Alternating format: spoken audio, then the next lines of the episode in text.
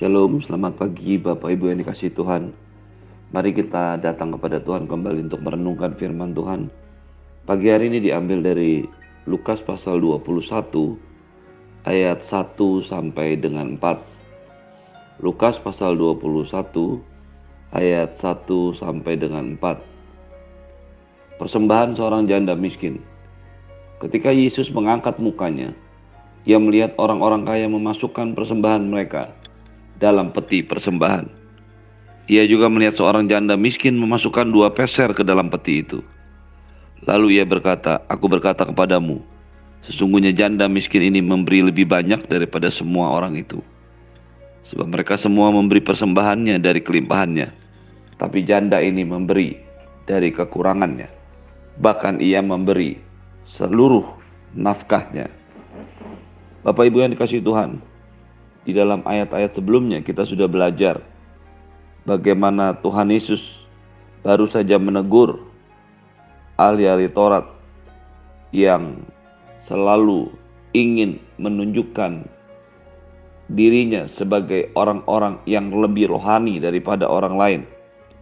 Mereka berjalan dengan memakai jubah panjang, tanda imam, menerima penghormatan di pasar, duduk di tempat terbang dalam rumah ibadat, dan tempat dan terhormat dalam perjamuan. Tetapi sebenarnya dalam kehidupan mereka, ahli-ahli Taurat ini yang mengelabui janda-janda dan menelan atau mengambil rumah para janda yang tidak punya apa-apa. Mereka adalah orang-orang yang bersikap seperti orang-orang yang rohani, tetapi dalam kenyataannya kehidupannya sangatlah jauh daripada kerohanian mereka. Setelah Tuhan Yesus mengajar mereka tentang hati-hati dengan para ahli Taurat yang hidup keagamaannya berbeda dengan kehidupan pribadi mereka, ia langsung melanjutkan pengajarannya ketika melihat di dalam bait Allah ada orang-orang yang memasukkan persembahan ke dalam sebuah peti kita tahu di dalam bait Allah, di depan pintu, disediakan sebuah peti untuk mereka memberikan persembahan. Yesus melihat orang-orang kaya memasukkan persembahan mereka ke dalam peti. Ia juga melihat seorang janda miskin yang memasukkan dua peser ke dalam peti itu. Ketika melihat pemandangan itu, ketika melihat apa yang terjadi di sana, Tuhan Yesus langsung berkata, Aku berkata kepadamu, sesungguhnya janda miskin ini memberi lebih banyak daripada semua orang. Bapak Ibu yang dikasih Tuhan, ketika Yesus mengatakan hal ini, ini memberikan sebuah pengertian kepada kita. Mengapa janda miskin ini memberi lebih banyak daripada semua orang? Yang kedua, ada suatu jumlah, ada satu nilai yang berbeda yang ada dalam diri penilaian manusia dengan apa yang menjadi penilaian Allah. Janda ini memberi persembahannya dari kelimpahannya. Maaf, mereka semua memberi persembahannya dari kelimpahannya. Tetapi janda ini memberi dari kekurangannya. Apa yang menyebabkan Tuhan Yesus mengatakan bahwa janda ini memberi lebih banyak daripada mereka semua? Kata lebih banyak berasal dari bahasa Yunani pleion Pleion itu menunjukkan besar dalam quantity dan besar dalam kualitas, quality.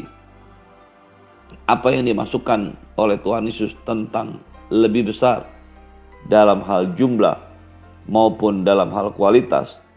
Sementara kita lihat secara fakta bahwa janda miskin ini hanya memberikan dua peser. Sementara orang-orang kaya memasukkan persembahan mereka kita tidak tahu apa yang diberikan oleh para orang kaya ke dalam peti persembahan.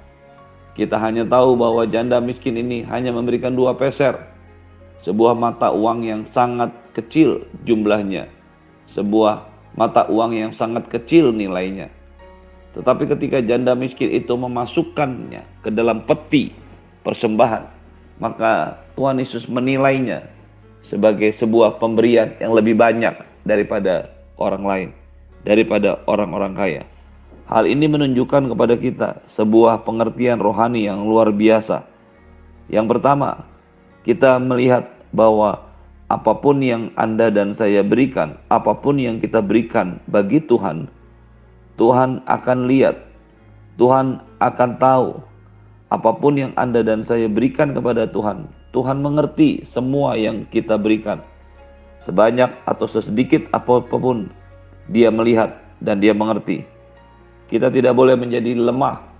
Kita tidak boleh menjadi putus asa ketika hanya mampu memberikan sedikit. Tetapi kita tidak juga boleh menjadi sombong ketika kita memberikan banyak. Adanya penilaian yang berbeda yang dinilai oleh Tuhan Yesus dengan apa yang kita lihat, apa yang dipakai oleh dunia ini dalam penilaian. Menyadarkan kita fakta yang kedua. Setelah fakta yang pertama mengatakan bahwa apa pun yang Anda dan saya berikan buat Tuhan itu dilihat dan dihargai Tuhan. Maka pengertian yang kedua yang kita dapatkan daripada peristiwa ini, daripada firman Tuhan pagi ini, ada sebuah nilai yang berbeda atas apa yang menjadi nilai manusia dengan apa yang menjadi nilai Tuhan. Secara manusia tentu saja jumlah persembahan yang diberikan oleh orang-orang kaya lebih besar daripada apa yang bisa diberikan oleh janda miskin. Tetapi perhatikanlah nilai yang didapatkan, yang diberikan Tuhan Yesus kepada janda miskin ini. Dia dianggap memiliki atau memberikan jumlah atau persembahan lebih banyak daripada orang lain. Mengapa demikian? Karena penilaian Tuhan Yesus bukanlah penilaian seperti di dunia ini. Penting untuk Anda dan saya menyelaraskan, memastikan bahwa hidup kita memiliki penilaian seperti yang Tuhan punya dan bukan seperti yang Anda dan saya punya. Ketika manusia mencoba menilai dirinya menurut ukuran manusia, maka dia akan mendapatkan penilaian dan penghakiman menurut manusia. Tetapi ketika Anda dan saya belajar untuk memiliki nilai-nilai surgawi dalam hidup kita, maka semua yang Anda dan saya berikan, bahkan juga persembahan, menjadi sebuah nilai rohani di dalam diri kita. Perhatikanlah apa yang dikatakan oleh Tuhan Yesus kemudian. Mengapa ia mengatakan bahwa perempuan ini, janda miskin ini, memberikan lebih banyak daripada orang lain. Di situ dikatakan orang kaya memberikan, memasukkan persembahannya. Tetapi janda itu memberi dari kekurangannya. Orang-orang kaya memberi persembahan dari kelimpahan tetapi janda ini memberi dari kekurangannya. Nilai surgawi yang ketiga yang kita dapatkan dari firman Tuhan yang kita baca dan renungkan pagi hari ini adalah belajar untuk memberi dari kekurangan. Memberi dari kelimpahan, memberi dari kelebihan adalah sebuah hal yang biasa. Tentu saja lebih baik daripada orang yang berkelimpahan yang tidak memberi apa pun. Tetapi ketika Anda dan saya mengambil keputusan untuk memberi, Perhatikanlah nilai rohani, nilai surgawi, nilai ilahi yang dimiliki oleh Allah. Ketika Anda dan saya, ketika kita memberikan dari kekurangan, maka itu akan menjadi sebuah nilai yang sangat luar biasa. Sekalipun secara kuantitas hal itu kecil, sekalipun secara jumlah hal itu tidak berarti atau kurang berarti, tetapi dinilai dari secara rohani, dinilai dari penilaian Allah apa yang Anda dan saya berikan kepada Tuhan itu adalah luar biasa karena kita memberi dari kekurangan. Orang-orang kaya memberi dari kelimpahan. Mereka memberikan itu, tetapi mereka masih memiliki yang lain. Sementara janda miskin ini memberikan dari kekurangannya. Dia sendiri kurang. Dia sendiri tidak tahu apa yang akan dia makan, apa yang dia lakukan dengan uangnya, dengan miliknya, di waktu yang akan datang. Tetapi dia sudah memutuskan untuk memberi dan mengambil dua peser uang miliknya. Mungkin uang itu adalah uang yang terakhir yang dimilikinya. Karena Alkitab berkata, ia memberi seluruh nafkahnya. Kata nafkah itu berasal dari bahasa Yunani bios. Bios yang di sini diterjemahkan sebagai nafkah. Sebenarnya bisa juga diterjemahkan sebagai sebuah kehidupan sebuah periode waktu di mana orang bisa hidup. Apa yang dimaksudkan bahwa janda miskin ini memberi seluruh nafkahnya? Ini memberikan pengertian kepada kita memang mungkin saja janda itu tidak punya apa pun lagi yang bisa dipersembahkan. Janda itu mungkin tinggal memiliki dua peser dan uang itu bisa dibelikan makanan. Bukan tabungan, bukan hasil kelebihan, tapi itulah kehidupannya. Ketika janda miskin ini mempertaruhkan, mempercayakan dirinya untuk percaya kepada Tuhan dengan memberikan apa yang menjadi kekurangannya, maka Tuhan melihatnya sebagai sebuah perkara yang surgawi, sebagai sebuah karakter ilahi. Bapak Ibu yang dikasih Tuhan, mari kita belajar pagi hari ini untuk bukan hanya sekedarnya, sekedar melakukan sesuatu dalam pelayanan, sekedar memberikan diri kita dalam pelayanan, sekedar melayani Tuhan.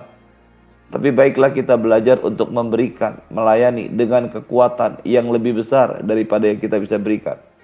Apa yang dilakukan oleh janda ini memberikan satu pengertian kepada kita. Mungkin kita tidak punya terlalu banyak uang, mungkin kita tidak punya terlalu banyak waktu, mungkin kita tidak punya banyak tenaga untuk melayani Tuhan. Tetapi apa pun yang Anda dan saya berikan, persembahkan kepada Tuhan sekecil apa pun.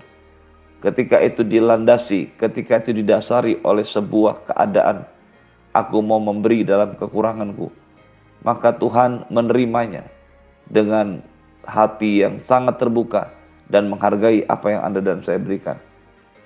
Pengertian firman Tuhan ini juga membawa kepada kita akan adanya sebuah kehidupan yang kekal yang menjadi milik setiap orang yang percaya kepada Yesus. Belajarlah untuk mempercayakan diri dan hidup kita kepada Tuhan. Belajarlah untuk mempercayai Allah bahkan di tengah-tengah kesulitan. Ketika Anda dan saya mengalami masa-masa yang kritis dalam kehidupan secara finansial, secara ekonomi maupun bisnis dan pekerjaan. Belajar untuk terus mempercayakan Allah, belajar untuk terus taat, belajar untuk memberikan kepada Tuhan kehidupan kita. Bukan hanya sebagian dari kelebihan yang bagi kita mungkin tidak ada artinya. Tetapi belajar untuk memberikan kehidupan, waktu yang terbaik, tenaga yang terbaik, semua yang terbaik yang kita bisa berikan kepada Tuhan. Tuhan bukan tidak memperhatikan jumlah, Tentu saja Tuhan juga memperhatikan jumlah. Tetapi yang lebih penting dari jumlah itu sendiri ada dalam karakter kita, ada dalam sikap-sikap ilahi kita. Apa yang Anda dan saya pikirkan ketika kita melihat orang belum diselamatkan? Apa yang Anda dan saya pikirkan ketika kita melihat orang-orang yang perlu dilayani? Mungkin kita tidak punya banyak waktu, mungkin kita tidak punya banyak uang atau tenaga. Tetapi ketika Tuhan mau kita berikan, kita berikan dengan satu pengertian ilahi bahwa Tuhan yang berjalan, Tuhan yang mengutus, Tuhan yang memberkati. Ketika janda miskin ini memberi dari kekurangannya, bahkan dari nafkahnya, Tuhan melihatnya bukan lagi sebagai jumlah, tapi dari ini Tuhan melihatnya sebagai sebuah ketetapan ilahi. Ini yang juga harusnya terjadi dalam hidup setiap orang percaya. Mereka bukan hanya memandang Tuhan, melihat Tuhan, hanya dengan nilai-nilai duniawi ini. Tapi belajar untuk menilai semua yang ada dalam hidup kita dengan pandangan dan nilai-nilai surgawi.